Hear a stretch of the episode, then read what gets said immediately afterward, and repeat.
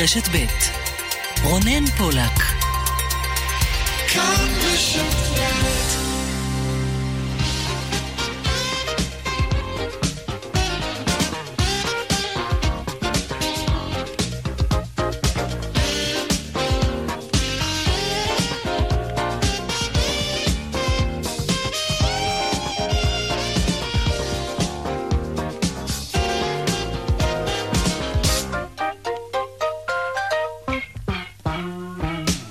עכשיו ארבע ועוד חמש דקות וחצי, צבע הכסף, התוכנית הכלכלית כאן ברשת ב', שלום לכם ותודה שאתם איתנו. לפני כמה ימים התארח בארץ דיוויד גודריץ', סגן נשיא חברת מאסטר קארד העולמית.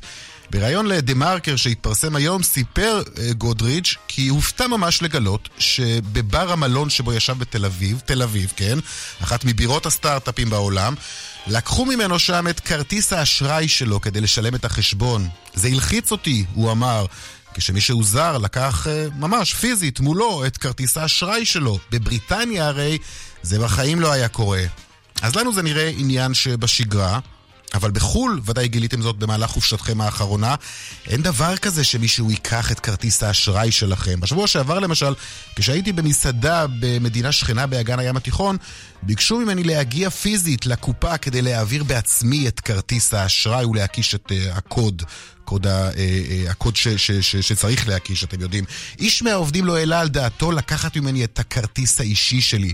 במדינות אחרות, המסוף מגיע עד לשולחן שבו אתה סועד כדי לבצע את התשלום. ומדוע בעצם מדובר בעניין כל כך מהותי? אז לכך יש כמובן המון תשובות, הנוגעות לשמירה על הפרטיות שלנו למשל, או להבטחת המידע שנמצא בכרטיס האשראי שלנו. הכרטיס הזה הרי הוא לא סתם כרטיס שאנחנו נותנים בחנות או במסעדה, זה המפתח לכספים שאנחנו שומרים עליהם באדיקות כה רבה. אבל המוכר ההוא שאנחנו לא מכירים, נעביר אותו בשמחה. Hmm. צבע הכסף מפיק התוכנית הוא אביגל בשור, טכנאי השידור שלנו אריאל מור, אני רונן פולק, מיד מתחילים.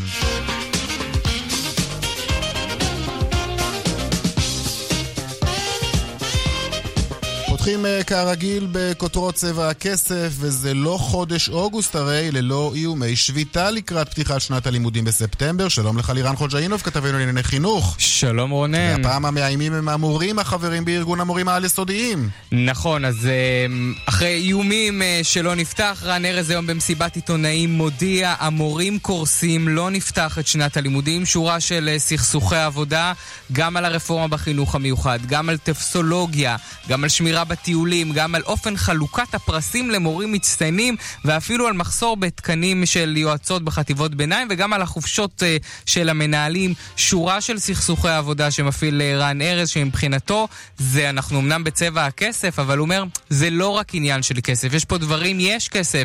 אפשר, רק צריך לדעת לאן להעביר אותם. אין לנו דרישה גדולה מהאוצר. אנחנו רוצים כבר עכשיו שמשרד החינוך והאוצר יטפלו בזה. אם לא, ב-1 בספטמבר מבחינתו לא ייפתחו ייפתחו שנת הלימודים, ואת זה נוסיף כמובן לאיומים של הסתדרות המורים mm-hmm. אצל הקטנים יותר. פתרון אחד כבר נמצא של אה, עניין של 160 מיליון שקלים לחינוך המיוחד, אבל עדיין זה לא פותר בעיות אחרות, כך שנמשכים כל הזמן הבעיות במערכת החינוך. 11 ימים לפתיחת שנת הלימודים, בעיות לא חסר. כרגיל. לירן, תודה. תודה. עכשיו זה רשמי, ענקית הקניות באינטרנט אמזון מודיעה על כניסתה לישראל. מיד נתעדכן על כך ועל המשמעויות של המהלך הזה עבור הצרכנים מצד אחד, ועבור השחקנים האחרים במגרש הקמעונאי מצד שני. נרחיב על כך כאמור מיד עם עמית תומר כתבתנו. ישראל וקוריאה הדרומית חתמו היום על הסכם סחר חופשי. מדובר על הסכם סחר ראשון עם מדינה במזרח אסיה, אחרי משא ומתן ממושך שנוהל על ידי משרד החוץ ומשרד הכלכלה והתעשייה. שלום לך, עמיחי שטיין כתב התחום המדיני. שלום רונן, אז כן, כמו שאמרת, ישראל בעצם אה, אה, חתמה על הסכם סחר ראשון עם מדינה במזרח אסיה, דובר על קוריאה, היקף הסחר 2.5 מיליארד דולרים, וזה צפוי רק אה, אה, אה, לעלות בעקבות ההסכם הזה ולהוזיל מוצרים בישראל. צריך להגיד אגב שההסכם הזה, מה שנעשה, לא נחתם בלי ביקורת מסוימת, כיוון שהוא מחריג את יהודה ושומרון ורמת הגולן מההסכם. זה בעצם אחד הדברים שעיכבו אותו, ולכן המשא ומתן נמשך עליו כל כך הרבה אה, אה, זמן. אבל אבל במשרדים השונים, כמו שאמרת, משרד החוץ ומשרד הכלכלה בעצם מבהירים שייתכנו פיצויים מסוימים, שיהיה איזה מנגנון שידאג בעצם לאותם אנשים שיוחרגו מההסכם. במילים אחרות מנסים להרגיע ולא לעורר סערה, אבל כאמור, בישראל רואים בהסכם הזה הסכם בעל חשיבות. גם בשביל אה, המדינות הנוספות במזרח אסיה, שעימם ישראל מעוניינת לחתום על הסכמים זהים. עמיחי, תודה. נרחיב גם על כך בהמשך. ועוד בצבע הכסף על שוק מוצרי החזרה לבתי הספר. גם כאן, האונליין מול החנויות המסורתיות. כמה מגלגל הענף הזה. וגם החופש הגדול עדיין לא נגמר, אבל ההזמנות לחופשות החגים בשיאן, היעדים החמים על המדף, יעדים במזרח אירופה, והמחירים, כך מתברר, נמוכים ממחירי החופשות בעונת החגים אשתקד. נדבר גם על כך. ואם כבר בחופשות עסקינן, מבדיקה של אתר ג'ובס עולה כי כמעט שליש מהעובדים במשק מגיעים אה, לחופש הגדול עם יתרה שלילית בימי החופשה.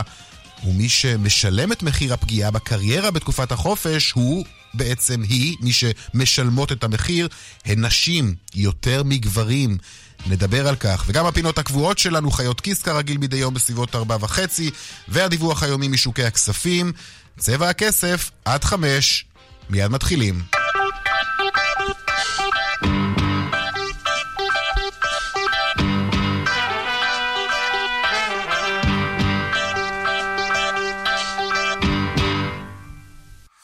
פרסומת אחת וחזרנו. היי, hey, כאן חנוך דאום. אנשים אומרים לי, חנוך, אתה יודע שאתה קצת מטורף? אולי אשתי סיפרה להם. מטורף? בן אדם אוסף שיני שום, מה קרה? אני מטורף, חברים. מחירי ביטוח הרכב של שירביט זה מטורף. ועכשיו בשירביט גם מבצע מטורף, חודשיים מתנה בביטוח המקיף. אני משתגע. מישהו ראה את הכדורים הכתומים שלי? יאללה בטירוף, כוכבית 2003 שירביט. כפוף לתקנון.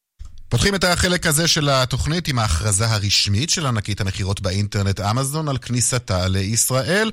שלום עמית תומר, כתבתנו לענייני כלכלה. שלום רונן. ברכות. Uh, כן, תשמע, אנחנו כבר חודשים שומעים נכון. דיבורים על זה, גישושים מול מוכרים פוטנציאליים באתר המקוון. היום אמזון משיקה באופן רשמי את הפעילות שלה בישראל, זה לא אומר שאני, אתה או המאזינים שלנו יוכלו כבר uh, להזמין uh, באמזון בשירות מקומי, צריך להגיד, אלא זאת רק הכרזה רשמית, uh, יחד איתה הגיעו אתר בו... מפורטות הפעולות שצריך לעשות מי שרוצה להצטרף ולהיות מוכן לרגע שבו אה, האתר המלא, בעצם האתר של אמזון שמציע את ה...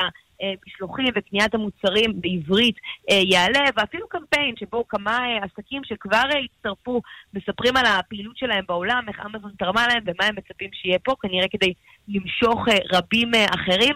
במייל שיצא היום לסוחרים שכבר הביעו התעניינות בתקופה האחרונה, אמזון נותנת איזו הבטחה עמומה, פילטר השילוח המקומי יהיה זמין באמזון.קום אה, בקרוב. לא בטוח, רונן, שאת המתנות לחג כבר נוכל לקנות שם. Mm-hmm. גורמים שנמצאים אה, בקשר הדוק עם החברה מספרים לי שכרגע אה, תהליך אה, לעלייה לאוויר נע בין ספטמבר עוד לפני הבחירות לגם תחילת אה, נובמבר, כלומר זה עלול לקחת עוד כמה חודשים, אבל זה עוד צעד בכיוון הזה. אה, מניות הקניונים, ראינו בבוקר, אה, התחילו לסעור בעקבות ההכרזה, וצריך להגיד, אנחנו רואים לקראת אה, סיום יום המסחר שהן חוזרות ליציבות. כנראה שבסופו של דבר כן מדובר בעוד צעד, אבל עדיין לא בטלטלה, זה עוד לפנינו. עמית, תודה. תודה. ושלום לשירה אחיעז, אנליסטית בית ההשקעות IBI, שלום לך. שלום לך. אז המפלצת הזאת מגיעה בשורה צרכנית או איום של ממש על השחקנים האחרים אה, בתחום הקמעונאי? קודם כל שצריך אה, להבין שנכון להיום, בנקודת הזמן הנוכחית, מה שקרה היום, מה שסיפרנו מקודם, אה, של הפנייה לצרכנים למכור בפלטפורמה של השילוח המקומי בישראל, בנקודת הזמן הנוכחית היום אין כל שינוי מבחינת הצרכן הישראלי. Mm-hmm. אבל איך אמזון תבחר בהמשך אה, להיכנס לשלב הבא בישראל, הוא בעצם הפקטור הכי משמעותי שצפוי אה, להשפיע על איך שהרכישות באונליין שלנו נראות. אה, המצב של אחיזה קצת יותר משמעותית של אמזון בשוק הישראלי, אם זה באמצעות פתיחת אתר יהודי באתר העברית, בעברית כמו שהזכרתם קודם, או אפילו הקמת מרכז לוגיסטי בישראל, אז מהלכים שכאלה כמובן צפויים להעצים את הצמיחה בקניות באונליין, הם גם יובילו לשיפור בזמן בעלות המשלוחים, יוזילו מחירים. וכמובן יתמכו בשירות טוב יותר, וזה דבר שצפוי להטיב עם כל הצרכנים המקומיים פה. ומצד שני, אה, מי צריך לחשוש? תשמע, מצד שני יש לנו את הרשתות. אז נכון שאנחנו מדברים הרבה, וכמו שאמרנו קודם, הרבה זמן על הצמיחה בקניות באונליין, צריך להבין שהתחום בישראל הוא עדיין בחיתוליו, הדרך אה, לחינוך השוק, מבחינת הרשתות, גם להתייעלות, ללוגיסטיקה, אה, לכל הדברים שנוגעים בעצם בחוויית השירות, וגם, כמובן, הדרך לרווחיות של הרשתות בתחום עוד ארוכה. כרגע האיום של אמזון הוא להערכתי מהווה פקטור בעיקר בתחומים כמו אה, חשמל ואלקטרוניקה, אגב, גם אה, בתחום הפארם. אה, לעומת זאת, בתחום המזון הוא להערכתי ייפגע אחרון מהנושא הזה. תחום המזון ייפגע אחרון. כן.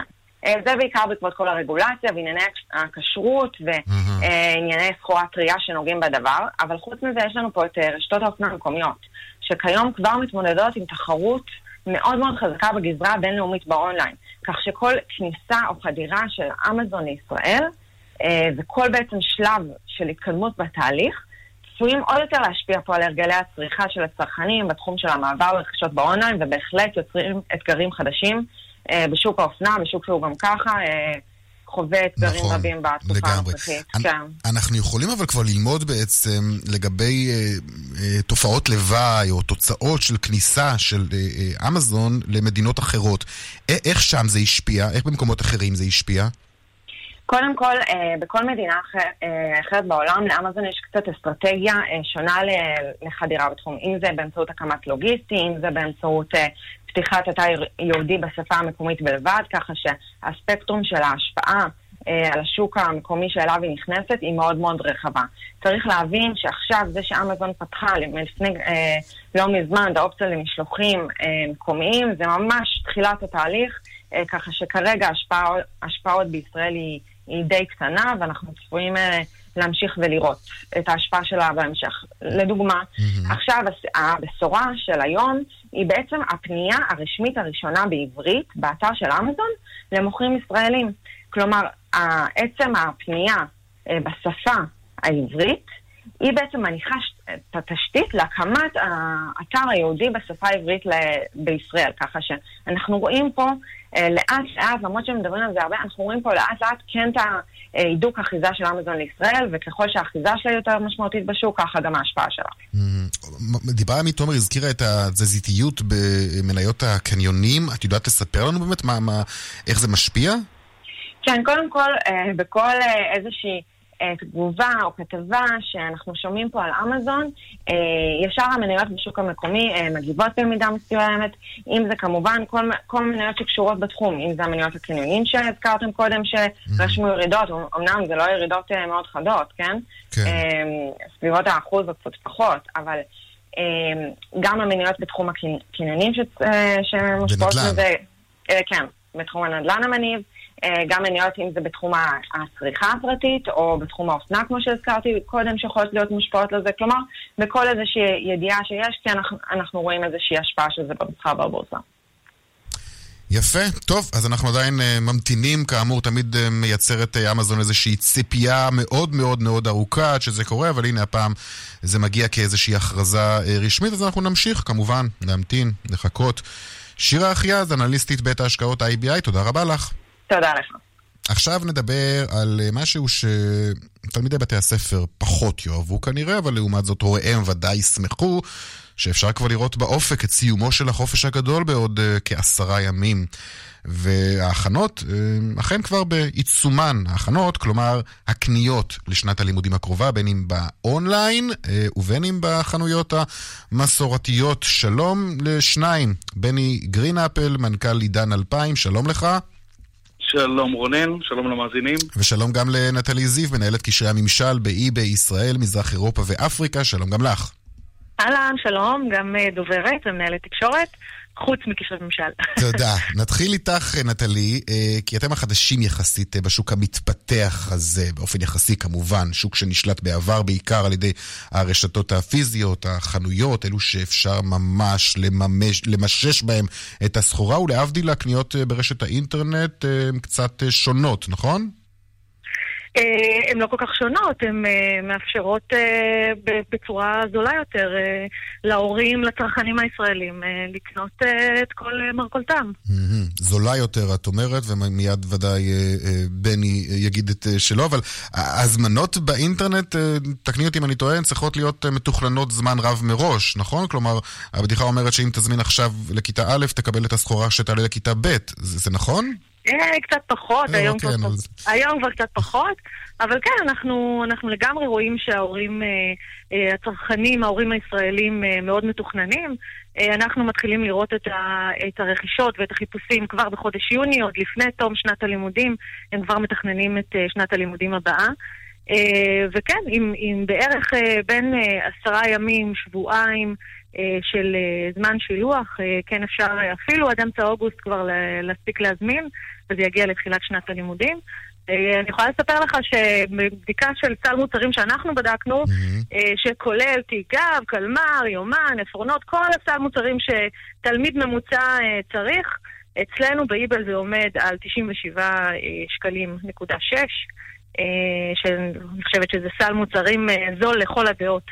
וגם אני אימא לשני מתבגרים, וגם אני רכשתי בעצמי. בני גרינאפל, מנכ"ל עידן 2000, איזה fight אתן, החנויות הפיזיות, יכולים uh, לתת uh, ל-online? ה-online הוא עובדה, ואנחנו יודעים שהוא עובדה, ואנחנו נערכים כדי לתת את הערכים המוספים שיש לנו. Uh, דיברה הבחורה הנבונה מהצד השני של הקו, מחברת אי-ביי, כן. שהיא חברה נטלי סופר סופר נהדרת. לדבר על מוצר מורכב, מתיק, מחברות, עפרונות הטאטה, ולקבוע מחיר 97.6 שקל, זה בערך כמו לקבוע כמה עולה, כמה עולה לתפור חליפה ליתום. איזה תיק יש בפנים, איזה מחברות יש בפנים, איזה עפרונות יש בפנים, מי ידע מה הוא קונה כשהוא בחר באינטרנט, והאם המחיר הוא באמת חזות הכל. כשבעצם יש, אני, אני עושה הפרדה בעצם בין שלושה שחקנים שמשחקים במגרש הזה של המכירות האינטרנטיות. האתרים המקומיים, נכון לרגע זה, לא הביאו בשורה. הם מוכרים את אותם מוצרים, בגדול, בהפרשי מחירים מאוד שוליים, והם מחסירים את מה שהלקוח הישראלי, או כל לקוח בעולם באמת רוצה. הוא רוצה חוויית שירות שמורכבת מנוחות, ממגוון, גם ממחיר וגם משירות. הוא רוצה שיהיה לו עם מי לדבר. והוא רוצה גם לקנות במחיר הוגן. חזות המחיר היא חזות מאוד חשובה ואנחנו מתמודדים איתה ביום-יום, אבל החבילה השלמה שאנחנו מדברים גם על שירות וגם על מגוון וגם על המחיר וגם על mm-hmm. העובדה שיש לו למי לחזור כשהוא רוצה שירות. העובדה שהמוצר שלו הוא מוצר שיש לו תו תקן, כי הוא נבדק במדינת ישראל כשהוא נכנס, גם לזה יש משמעות. אז אני אומר עוד פעם, אז יש את האתרים הישראליים, ישנו אמזון שהודיע היום על הכניסה, אבל הוא נכנס נכון. במתכונת הרכה שלו, והמתכונת הרכה שלו נכנס רק בתור פלטפורמה, כמו שאי-ביי נמצא. הוא לא שחקן, מה שנקרא, הוא לא הגורם המוכר. וזה שני עולמות שונים. כשאתה נכנס בתור פלטפורמה, אתה נותן באמת מגוון מאוד מעניין לצרכן הישראלי, עם המינוסים שיש למסחר האינטרנטי, אבל הוא עדיין לא במשחק הגדול, המשחק הגדול זה המשחק שלו בארצות הברית בעיקר, ששם הוא מכתיב מחיר, אבל הוא גם מלך השירות. אז בוא נדבר... נכון על... לרגע זה, כן. מי שמלך השירות בישראל, החנויות, אני יכול להגיד לך שבעידן 2000, הלקוחות שלנו חוזרים. הם חוזרים mm-hmm. כי יש להם עם מי לדבר. הם חוזרים... אבל אתה יודע שהם גם חוזרים כי הם uh, מגיעים לחנויות הפיזיות, משווים את המחירים, לוקחים מק"טים, לוקחים uh, מוצרים מסוימים וחוזרים לאונליין ומשווים, ואני בסדר עם זה. זאת אומרת, אני לא חושבת שהחנויות הפיזיות uh, ייעלמו אי פעם, אני חושבת שמעבר לזה גם uh, אתם, בתור הסוחרים uh, לחנויות הפיזיות, שאגב, רובכם נמצאים גם אצלנו באי-ביי, uh, uh, יש לכם חנויות פיזיות ואתם גם מוכרים אונליין, זאת אומרת, זה לא מתחלק באותה עוגה, אלא זה עוגה נוספת, uh, וזה מה שחשוב. אבל... בסוף הצרכן הוא זה שמכריע, הוא משווה מחירים והוא לא, הוא הרבה יותר נבון והתחרות כמובן טובה לכולם. כן, אה, אנחנו אה, בעד תחרות אגב, אנחנו בעד זה שאמזון נכנסים, אנחנו בעד זה שיש עוד בוחרים ועוד... זו תחרות שמאלצת אתכם להוריד גם מחירים, אה, בני? אנחנו מתמודדים עם מחירים כל הזמן. מבצעים יש בין החנויות. עידן 2000 נחשבת לרשת דיסקאונט. היא נחשבת לרשת שמציעה מגוון גדול. נטלי, אני רוצה לספר לך משהו. יש לנו תופעה נורא מעניינת שאנחנו קוראים לה מאוכזבי האינטרנט. הם מגיעים אלינו בשבועיים האחרונים, ואנחנו כנראה נקבל אותם עוד יותר בשבוע האחרון. זה החבר'ה שהזמינו באינטרנט מוצרים, לחלקם המוצרים לא הגיעו, לחלקם הגיעו מוצרים שהם לא התכוונו.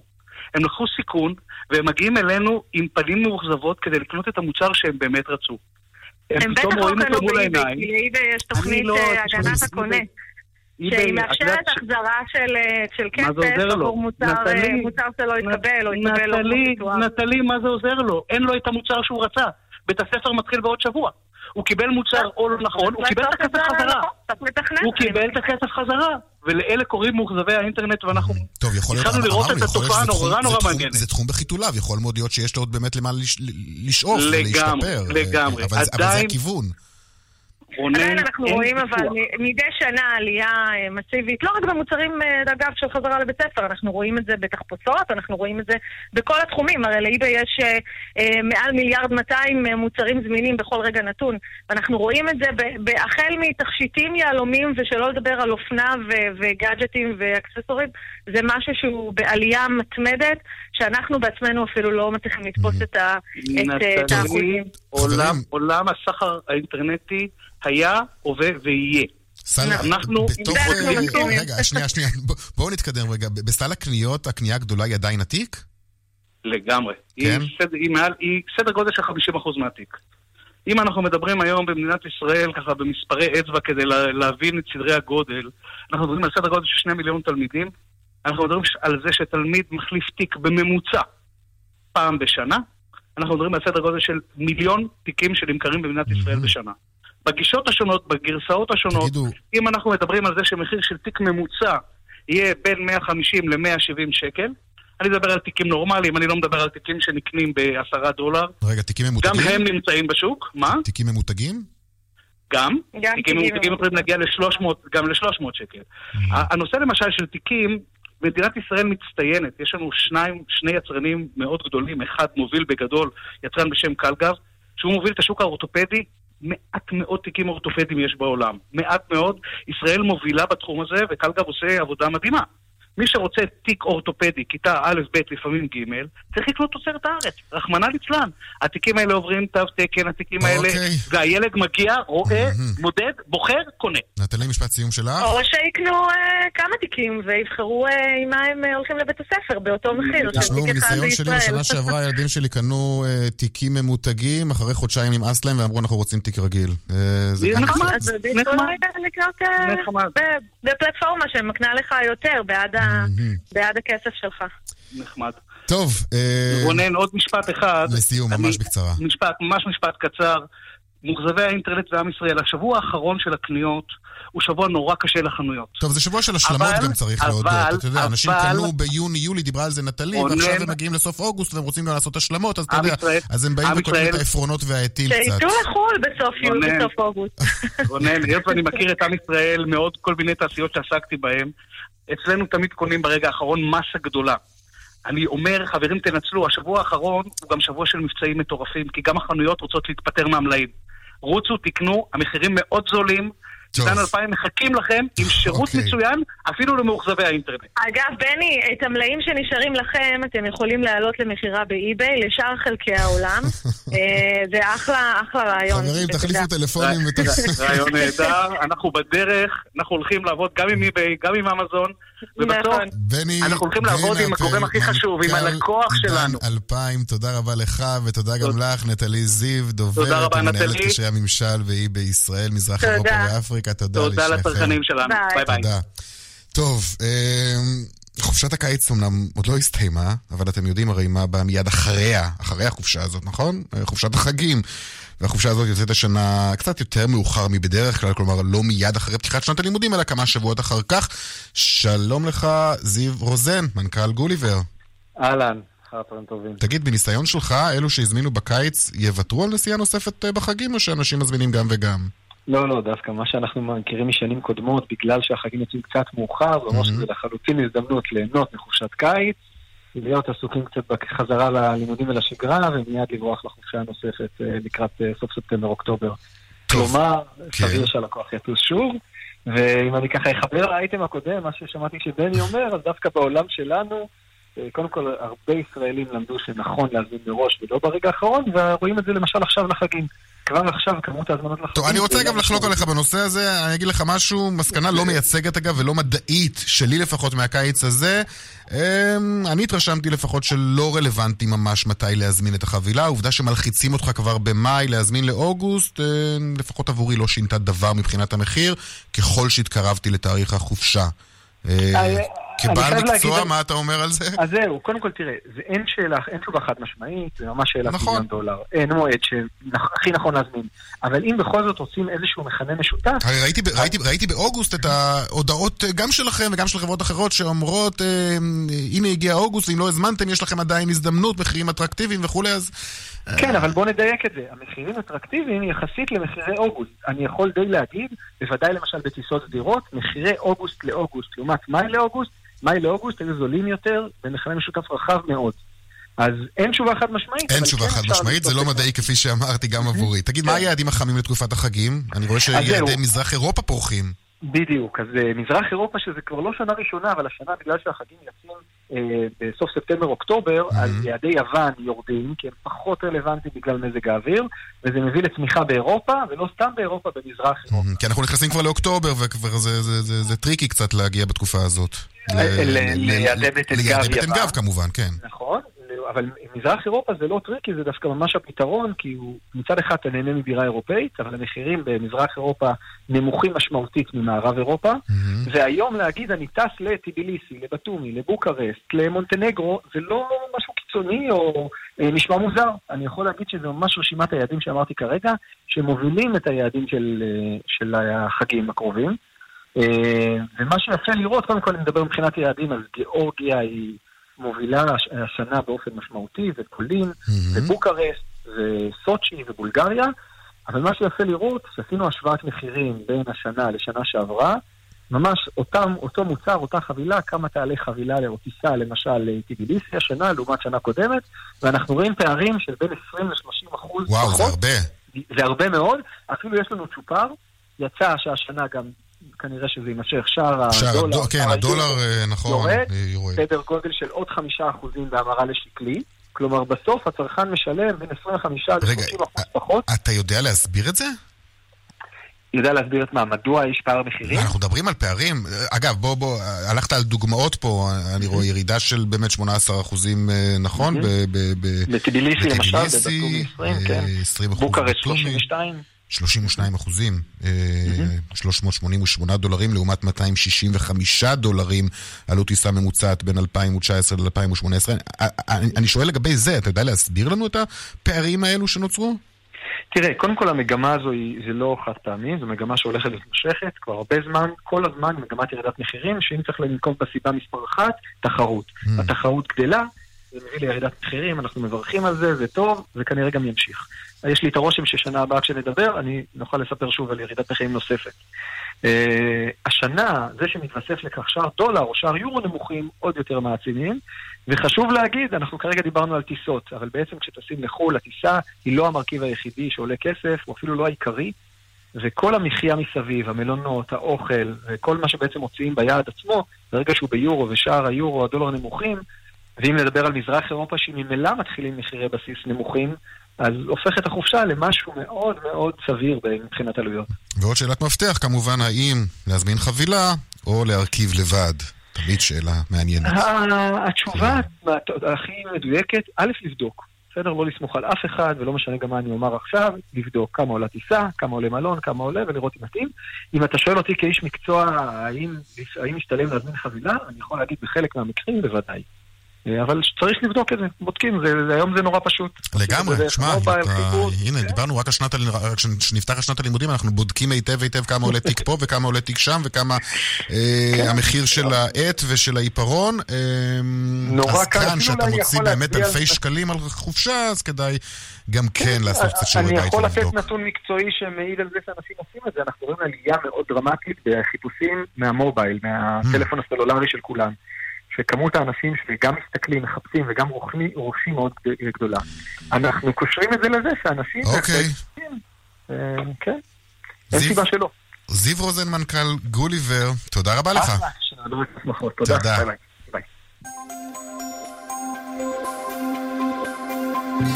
קורה בכבישים, בדרך שש צפונה, עמוס ממחלף נשרים עד בן שמן וממחלף קסם עד אייל, בהמשך עומס כבד ממחלף עירון עד עין תות, דרומה ממחלף נחשונים עד בן שמן. דרך החוף צפונה עמוסה מרשפון עד וינגייט, בהמשך ממחלף קיסריה עד מחלף זיכרון יעקב. דיווחים נוספים בכאן מוקד התנועה כוכבית 9550 באתר שלנו. הפסקת פרסומות עכשיו ומיד אחר כך חיות כיס. מיד חוזרים עם רונן פולק. חברי מועדון סטימצקי ומצטרפים חדשים, שימו לב, סטימצקי Days, עד 70% הנחה על מבחר ענקי של ספרים. סטימצקי Days, עכשיו בחנויות סטימצקי ובאתר. כפוף לתקנון. איך מתמודדות נשים עם דלילות שיער? עם שביל שמתרחב? ומה עושים גברים כשהקרחת מבצבצת? אם תתקשרו אלינו, תקבלו לנייד סרטון ובו עדות של נשים וגברים שסבלו מדלילות ומהתקרחות. אנשים שבאמצעות הטכנולוגיה של הריג'ן קלאסיק, המכשיר לשימוש ביתי, מטפלים בעצמם בדלילות ובהתקרחות. צריך לראות כדי להאמין. לקבלת הסרטון ולמידע, חפשו בגוגל שיער נולד או התקשרו 1-800-66-5544 כבר שנים שאני גרה לבד, אבל בתקופה האחרונה אני מרגישה שהלבד נהיה קשה ממש. שלום, כאן רפי קרסו, היועץ הרפואי של בית בכפר, ואם גם אתם מתקשים עם הבדידות, אני מציע שתצטרפו אלינו לבית בכפר במסלול הליסינג. תשלום חודשי, בלי פיקדון, בלי התחייבות ובלי למכור את הבית. התקשרו, 1-800-30-70-70. בית בכפר, רשת דיור מוגן מובילה בישראל, כפוף לתנאי ההתקשרות עם החברה. שלומי שבת ופבלו רוזנברג חוגגים יחד איתכם במופע המשותף. אמפי קיסריה, 31 באוגוסט, לכרטיסים כוכבית 2207. המפלגה שלכם אינה ממריאה בסקרים? עד 350 דולר הנחה למגוון יעדים בעולם באשת טורס לחברי קואליציית פאוורקארד. פאוורקארד, קואליציית מותגים חזקה בישראל. כפוף לתקנון. טסים לחו"ל? הכי זול לקנות מטח בכספומט של לאומי. שמעתם נכון, הכי זול לקנות מטח בכספומט של לאומי. עוד פעם, הכי זול מבכל הבנקים לקנות מטח בכספומט של לאומי. ללקוחות כל הבנקים. לאומי איתך. חברי מועדון סטימצקי ומצטרפים חדשים, שימו לב, סטימצקי Days, עד 70% הנחה על מבחר ענקי של ספרים. סטימצקי Days, עכשיו בחנויות סטימצקי ובאתר. כפוף לתקנון. מתנות לראש השנה, איפה זה תופס אתכם? ביותר מ-100 רשתות, תופס. במגוון בתי קפה, אטרקציות ומלונות, תופס. ברמי לוי שיווק השקמה, גם תופס. בראש השנה, תנו לעובדים תו שתופס במלא מקומות. חפשו בגוגל, התו המלא של רמי לוי. כאן רשת ב'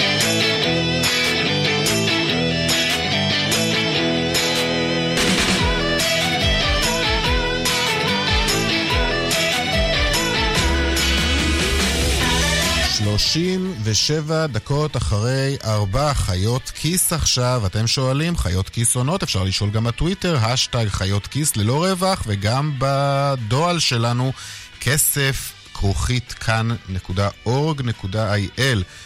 והיום, היום יום רביעי, ומעבר לכך שאנחנו ממש מתרגשים לקראת בואו של סוף השבוע, וזו גם כן סיבה לחגיגה, היום זהו גם היום שבו עולה פודקאסט חדש של חיות כיס לאוויר. שלום צליל אברהם. שלום רונן, מה שלומך?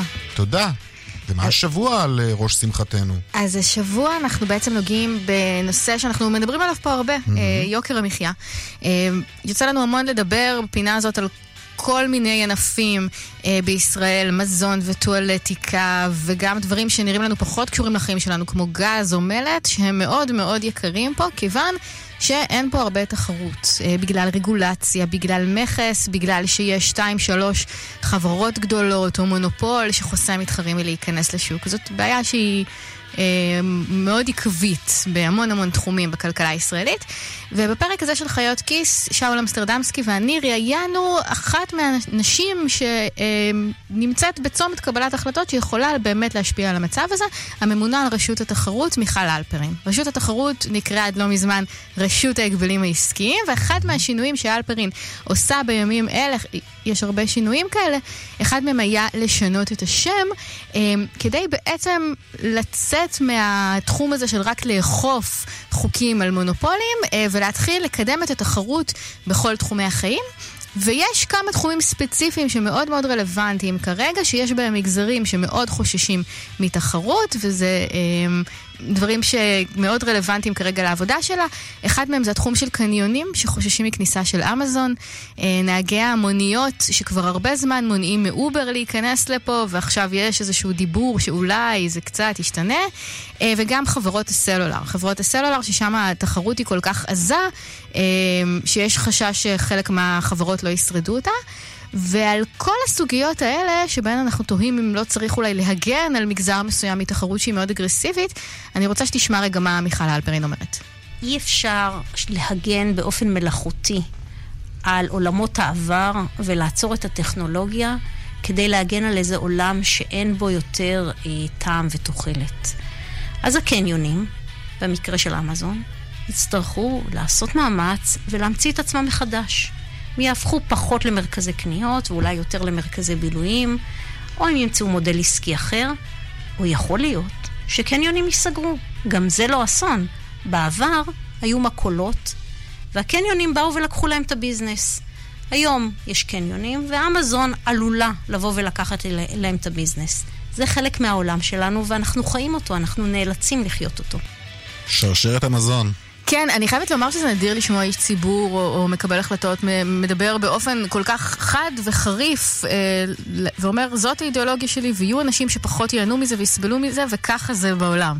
אה, הישירות הזאת מאוד אה, מוצאת חן בעיניי ואפשר לשמוע את הריאיון המלא עם מיכל אלפרין בפודקאסט שלנו. אה, אפשר להאזין לכל הפרקים של חיות כיס בכל אפליקציית פודקאסטים ובאתר כאן. צליל אברהם, תודה רבה. תודה רונן.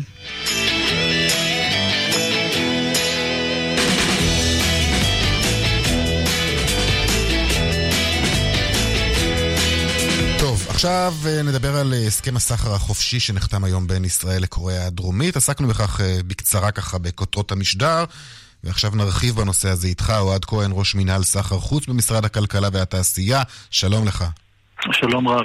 בוא נדבר בכסף. מכונית מדרום קוריאה, תעלה לי עכשיו פחות? לא עכשיו, לא, לא מחר בבוקר, אוקיי, לא מחר אבל לאחר, שה, לאחר שההסכם ייכנס לתוקף, אנחנו מאמין, אני מאמין שתוך מספר חודשים, אז במידה והיבואן שמביא את היונדאי או את הקאיה מקוריאה יגלגל את השבעה אחוז מכס שעכשיו יעלו, שעכשיו הוא ישלם פחות לטובת הצרכן, אז כן, הצרכן הישראלי ישלם שבעה אחוז פחות. שבעה אחוז... אבל מה, כן, אבל זה, זה תלוי אך ורק בטוב ליבו של היבואן בסופו של דבר? הממשלה מורידה את החסם הזה. עכשיו זה לא, נמצא בידיים שלהם. מה זאת אומרת היא מורידה? יש, אני מניח שיש פה גם בסופו של דבר, כשההסכם הזה נחתם, המטרה היא גם באמת לגלגל את ההשלכות של אה, חתימה על הסכם כזה עלינו, על הצרכנים, לגלגל לטובה כמובן, לאפשר לנו ליהנות מפירות ההסכם הזה. בוודאי, אנחנו רוצים, ולכן השוק המכוניות, שוק הרכבים, לפחות בסדרת הרכב, בסדרות הרכבים של, של הרכבים הקוריאנים, הוא שוק יחסית תחרותי. ולכן סביר להניח שאותו יבואן אה, של רכבים מקוריאה ירצה לגלגל את ההנחה הזאת לצרכן, mm-hmm. פשוט כדי שהוא יוכל לתפוס נתח שוק יותר גדול. טוב, מה, מה, מה אנחנו אה, מייצאים לקוריאה הדרומית ומה אנחנו מייבאים משם? אנחנו מייצאים אה, אה, מגוון רחב של מוצרים לקוריאה. אנחנו מייצאים ציוד רפואי, ציוד אה, אופטי, מייצאים הרבה מיכון חשמליים, רכיבים אלקטרוניים, מוליכים למחצה, תעשי דשנים, מוצרי פלסטיק, מוצרי מזון. ביבוא, ללא ספק תעשיית הרכב דומיננטית, כמחצית מהיבוא מקוריאה של מוצרי רכב, mm-hmm. אבל יש גם אה, ציוד אה, מכני וגם ציוד תקשורת. שאנחנו משתמשים חלקנו. מוצרי חשמל אני רואה, מקררים. גם, גם, גם מוצרי חשמל, נכון. ואפילו רוטף סויה. ואפילו רוטב סויה. זה גם חשוב. כן, לגמרי, לגמרי. שיוזל גם הוא, בעצם אני רואה המכס עליו ירד מ-4% ל-0 עם כניסת ההסכם לתוקף. נכון, תהיה רשימה, יש רשימה מאוד מאוד גדולה של מוצרים שברגע שההסכם ייכנס לתוקף, גם בייצוא וגם ביבוא, שני הצדדים ייהנו מההסכם הזה. היצואנים יוכלו להתחרות במתחרים שלהם בשוק הקוריאני, והצרכן הישראלי יוכל ליהנות ממחירים יותר נמוכים. נקווה, כאמור, כפי שאמרת, אתה יודע, בסוף זה גם תלוי בטוב ליבם של ה... אבל זה גם תלוי בצרכנים. גם הצרכנים... נכון, יש לנו כוח, ואנחנו צריכים גם כן באמת, בסופו של דבר, כבר הוכח יותר מפעם אחת שהצרכנים הם שקובעים. הנה עוד מוצר, אגב, שאני רואה ברשימה, יין, שהמכס ירד מ-15% לאפס עם כניסת ההסכם הזה לתוקף. בייצוא, נכון, בייצוא. יש בישראל תעשיית יין מאוד מאוד... יפה, צעירה, עולם חדש בעולם, בעולם היין. Mm-hmm. ואנחנו רוצים לעודד את התעשייה הזאת, שהיא גם תעשייה שמשתמשת פחות במים, היא גם תעשייה שנמצאת בפריפריה, היא גם תעשייה שמייצאת את היופי של ישראל. אנחנו רוצים שהצרכן הקוריאני ידע ליהנות או יוכל ליהנות מיין ישראלי. היצואנים שלא ייהנו מזה, אגב, הם אלו שכנראה נמצאים ברמת הגולן או ביהודה ושומרון. את היין שלהם החרגתם, לא את היין כמובן, אלא את ה... הם הוחרגו. מההסכם הזה, אזורים, כשהגדרת אותם אזורים פריפריאליים, אז הנה, רמת הגולן לא נמצאת בהסכם הזה, גם יהודה ושומרון לא נמצאים בהסכם הזה, ואנחנו רואים כבר שזה הכעיס מאוד את תושבי רמת הגולן, אפילו נשלח מכתב חריף בנושא הזה לראש הממשלה. איך זה קורה בסוף, אז באמת? אז אני רוצה רגע להבהיר את הדיסאינפורמציה המוחלטת שיש בנושא הזה. ממשלת ישראל לא החריגה לא את רמת הגולן, לא את יהודה ושומרון, לא את ירושלים, לא שום דבר. אין בהסכם בין ישראל וקוריאה שום החרגה על, על, על האזורים האלה. מה שעשוי לבא להיות, כמו שיש לנו בהסכמים אחרים, יכול להיות שהקוריאנים משיקוליהם שלהם יבואו ויגידו שהם לא מכירים אה, ב- ביצוא מאותם אזורים כמו רמת הגולן ויהודה ושומרון, לא מכירים בהם כישראל לצורך, אה, לצורך הטבת המכס. זאת תהיה החלטה קוריאנית שהיא לא מוסכמת ולא מקובלת על ישראל. לא, אבל בסופו של דבר צריך לומר, הייתה חתימה והמשא ומתן הזה היה ארוך בגלל שישראל קודם כל סירבה להחריג את יהודה ושומרון ורמת הגולן, אבל בסופו של דבר היא נאלצה להתפשר. זאת אומרת, אי אפשר לבוא ולטעון רק שהקוריאנים יעשו מה שהם רוצים. אתה יודע, ישראל יש לה את המנדט להחליט, והחליטה, כן, בחתימה, להסכים לפשרה הזאת. לא, אבל זה בדיוק אני אומר, לא הסכמנו לפשרה. וזה בדיוק מה שאני רוצה להסביר. אין פשרה טריטוריאלית בהסכם בין ישראל וקוריאה. כלל וכלל לא. יש בהסכם בין ישראל וקוריאה, כתוב מדינת ישראל וכתוב הרפובליקה של קוריאה. אין שום התייחסות טריטוריאלית בהסכם. אני רק אומר שהיה והקוריאנים, משיקולים שלהם, בניגוד לעמדת ישראל, יבואו ויחליטו שהם לא רוצים uh, לתת הטבת מכס לאותו ייצוא, מדינת ישראל, כמו שאנחנו עושים גם בהסכמים אחרים, תדע לפצות את אותו יצואן, כך שאותו יצואן שמגיע, שמייצא בין אם זה מרמת הגולן, או מרעננה, או מתל אביב, או מאריאל, או מכל מקום אחר, למעשה ייהנה מההסכם הזה באותה מידה. אוקיי. בין אם הוא יקבל את ההטבה מהקוריאנים, או יקבל את ההטבה מממשלת ישראל. אוהד כהן, ראש מינהל סחר חוץ במשרד הכלכלה והתעשייה, תודה רבה לך. תודה לכם. אנחנו עדיין בענייני חופשות אוגוסט, עסקנו בכך ב... לפני כמה דקות. ב... בתוכנית כאן, ונדבר עכשיו על המחיר שאנחנו משלמים על כך במקום העבודה. שלום לך עינב בוימבלד, מנהלת התוכן והמחקר ב-all jobs. אהלן, אחר הצהריים טובים. עוד רגע נדבר על המחקר שערכתם ב-all jobs הנוגע למחירו של החופש, כן. לכיס שלנו, כלומר לארנק ולקריירה, כן. נכון. אבל עוד קודם אני רוצה לשאול אותך ברמה הפרקטית, יש דרך נכונה לבקש חופש בכלל בתקופה הזאת? אפשר בכלל להגיד לך לא? על אף שכולם יודעים שמדובר בחופש גדול, והתלמידים בחופשה, כן. וזו הרי התקופה הזאת שכולם יוצאים לחופש, אנחנו רואים את זה אפילו בכבישים. נכון, תראה, חופשת הקיץ בעצם מגיעה כל שנה באותו המועד, היא לא נכון, מפתיעה אף אחד. נכון. ובכל זאת עדיין מפתיע לראות שמעט אנשים שנערכים אליה כמו שצריך. ההמלצה שלי היא כן לנסות כמה שאפשר להתכונן מראש. זאת אומרת, לחשב מבעוד מועד כמה ימי חופש צריך לקחת, אל מול כמה ימי חופש נותרו לכם. לנסות לסדר את הלוח זמנים לתקופה הקרובה, לתאם גם איזושהי שיחה מסודרת עם המנהל בנושא, אתה יודע, לא לתפוס אותו על הדרך ככה mm-hmm. במסדרון. נכון שזו לא שיחה שתמיד נעים לקיים, אבל גם המעסיק עצמו צריך התראה מוקדמת, וצריך להראות לו את כל התמונה. כדאי לבוא לשיחה הזו מוכנים. ולהגיע עם פתרונות, לא רק עם בעיות. למשל, אם אתם בתפקיד ניהולי ויש אה, תחתיכם עובדים, אז לערוך חלוקה נכונה של העבודה בתקופה הזו, ולהראות למי שממונה עליך שדברים אה, מטופלים ונמצאים בשליטה, כי זה בעצם מה שהמעסיק תמיד רוצה להרגיש. אם כאילו לכולם ברור שהתפוקה בתקופה הזאת היא פחות. אה, רבה, נכון? נכון, יש איזשהו עונת מלפפונים. מצד נכון, אגב, גם בחדשות.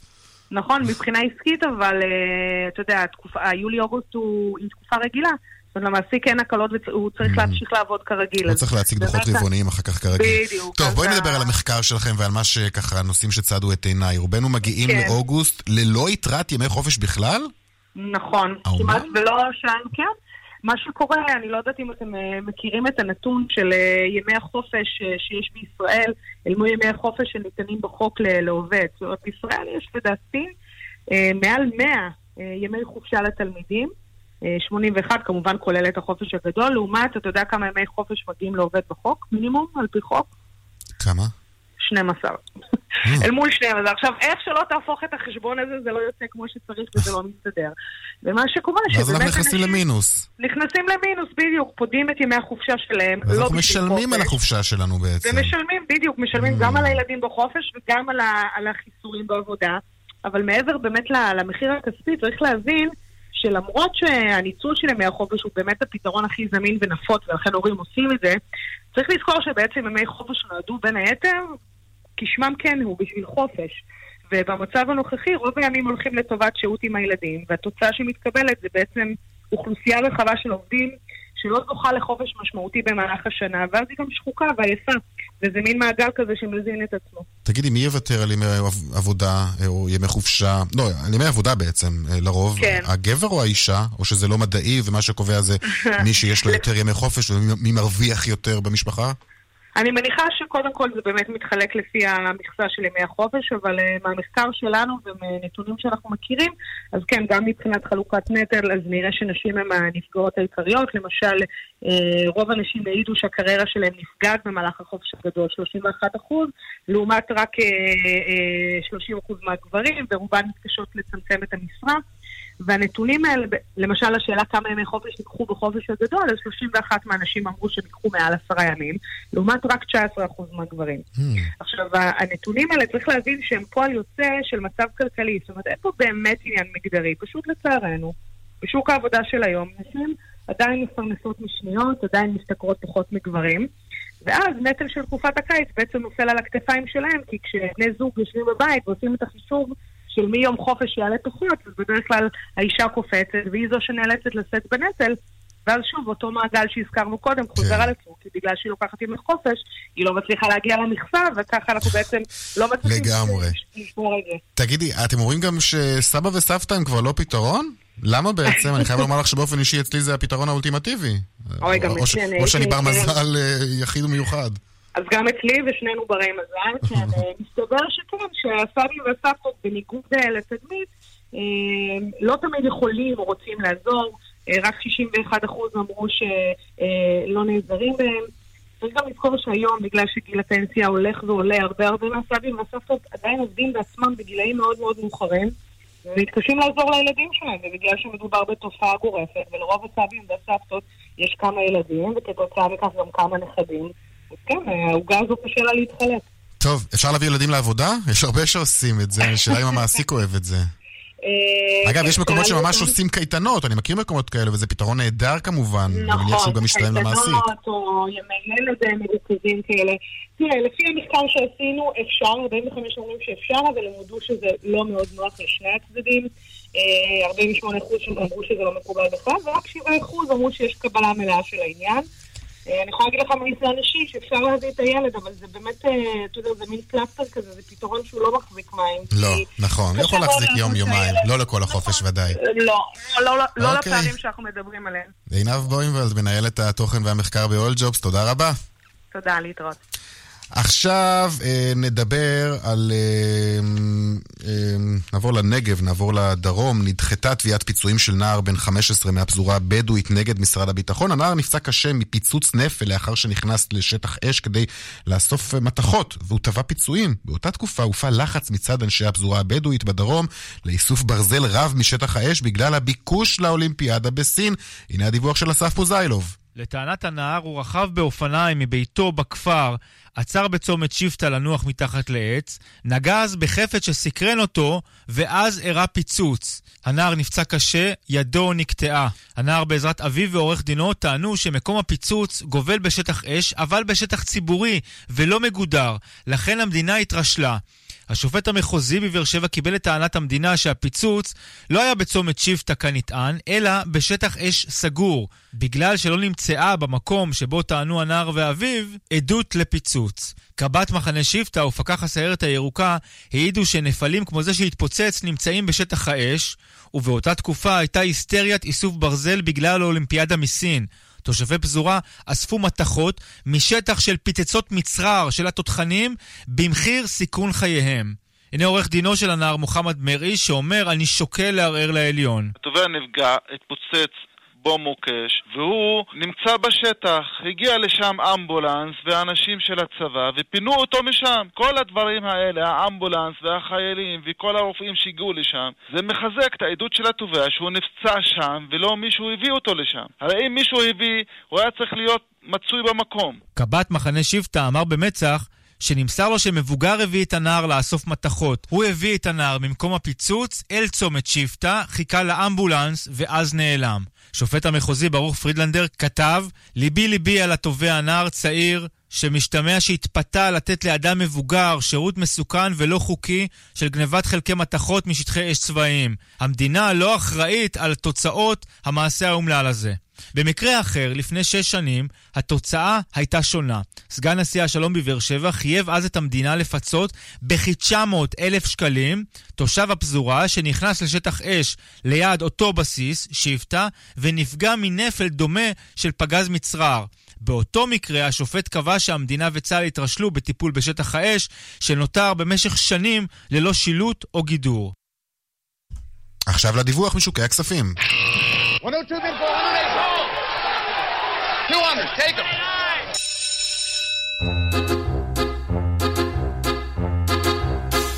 שלום תמיר ברנץ, אנליסט מניות ביחידת המחקר של בנק הפועלים. אחר הצהריים טובים. נכון לשעה זו מתאפיין היום מסחר בבורסה בתל אביב במגמה חיובית. מדד תל אביב 35 רושם עלייה של כ-9 עשיריות האחוז, ומדד תל אביב 90 רושם עלייה של כ-7 עשיריות האחוז. מחזורי המסחר בהיקף בינוני ונעים בשעה זו סביב כ-800 מיליון שקלים. עונת הדוחות בבורסה המקומית נמשכת. בין המניות הבולטות במסחר במדד תל אביב 125, מניות יבואניות הרכב קרצו מוטורס ודלק רכב שרושמות עלייה של כ-12% וכ-10% בהתאמה, ומניית חברת הנדל"ן המניב גזית גלוב, שעולה בשיעור של כ-6%. בבורסת אירופה מתאפיין המסחר במגמה חיובית חזקה עם עליות של מעל לאחוז במרבית מדדי המניות. עם פתיחת המסחר בוול סטריט נרשמת מגמה חיובית גם כן. מדד הדאו ג'ונס עולה בכאחוז, ומדד הנסדק עולה בכאחוז ועשירית האחוז. נסיים בשוק המטח. הדולר התחזק בכעשירית האחוז מול השקל, ושערו היציג נקבע על כשלושה שקלים, 52 אגורות ושבע עשיריות האגורה. היורו התחזק בכשלוש עשיריות האחוז, ושערו היציג נקבע על כשלושה שקלים, 91 אגורות ושבע עשיריות האגורה. עד כאן מהבורסה להפעם. ערב טוב לך ולמאזינים. תודה, תמיר.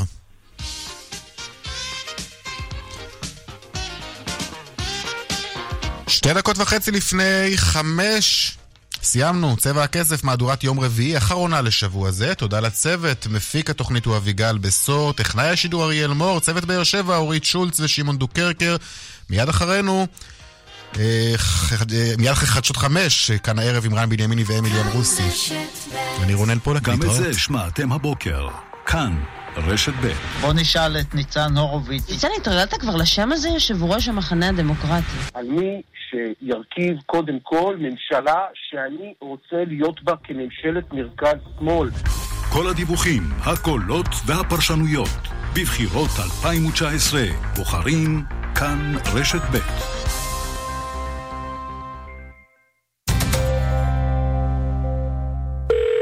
שלום, סקודה אוקטביה 2016. מה דעתך על המחיר שמוכרים אותך באלדן? עכשיו באלדן, מגוון רכבים במחירים כאלה שלא פלא ש-90% מלקוחות אלדן ממליצים אלדן. פרטים באתר או בכוכבית 3003. אלדן, נותנים את הנשמה. כפוף לתקנון, מתוך מחקר של חברת שילוב בשנת 2018. סוויסיסטם, נראה אותך יוצא מהמיטה. סוויסיסטם, מערכות שינה. שלום, כאן שרגא ברוש, נשיא התאחדות התעשיינים. הגיע הזמן שמדינת ישראל תלמד מהחזקות שבמדינות העולם, תחזור להעדיף ייצור מקומי ישראלי ותעודד הקמת מפעלים חדשים. כי בלי תעשייה חזקה, אין כלכלה בריאה. מחפשים רכב חדש? דברו איתנו בפרטי. מגוון דגמי מיצובישי, בליסינג פרטי מבית היבואן, עם כל היתרונות. לפרטים נוספים חייגו כוכבית 8648. כפוף להוראות ההסכם. אי עמידה בפירעון ההלוואה עלולה לגרום חיוב וריבית פיגורים והליכי הוצאה לפועל. אוי, אל תתני לרצפת הגן חלשה לעצור התקפת צחוק. נסי את Always Discreet לבריחת שתן.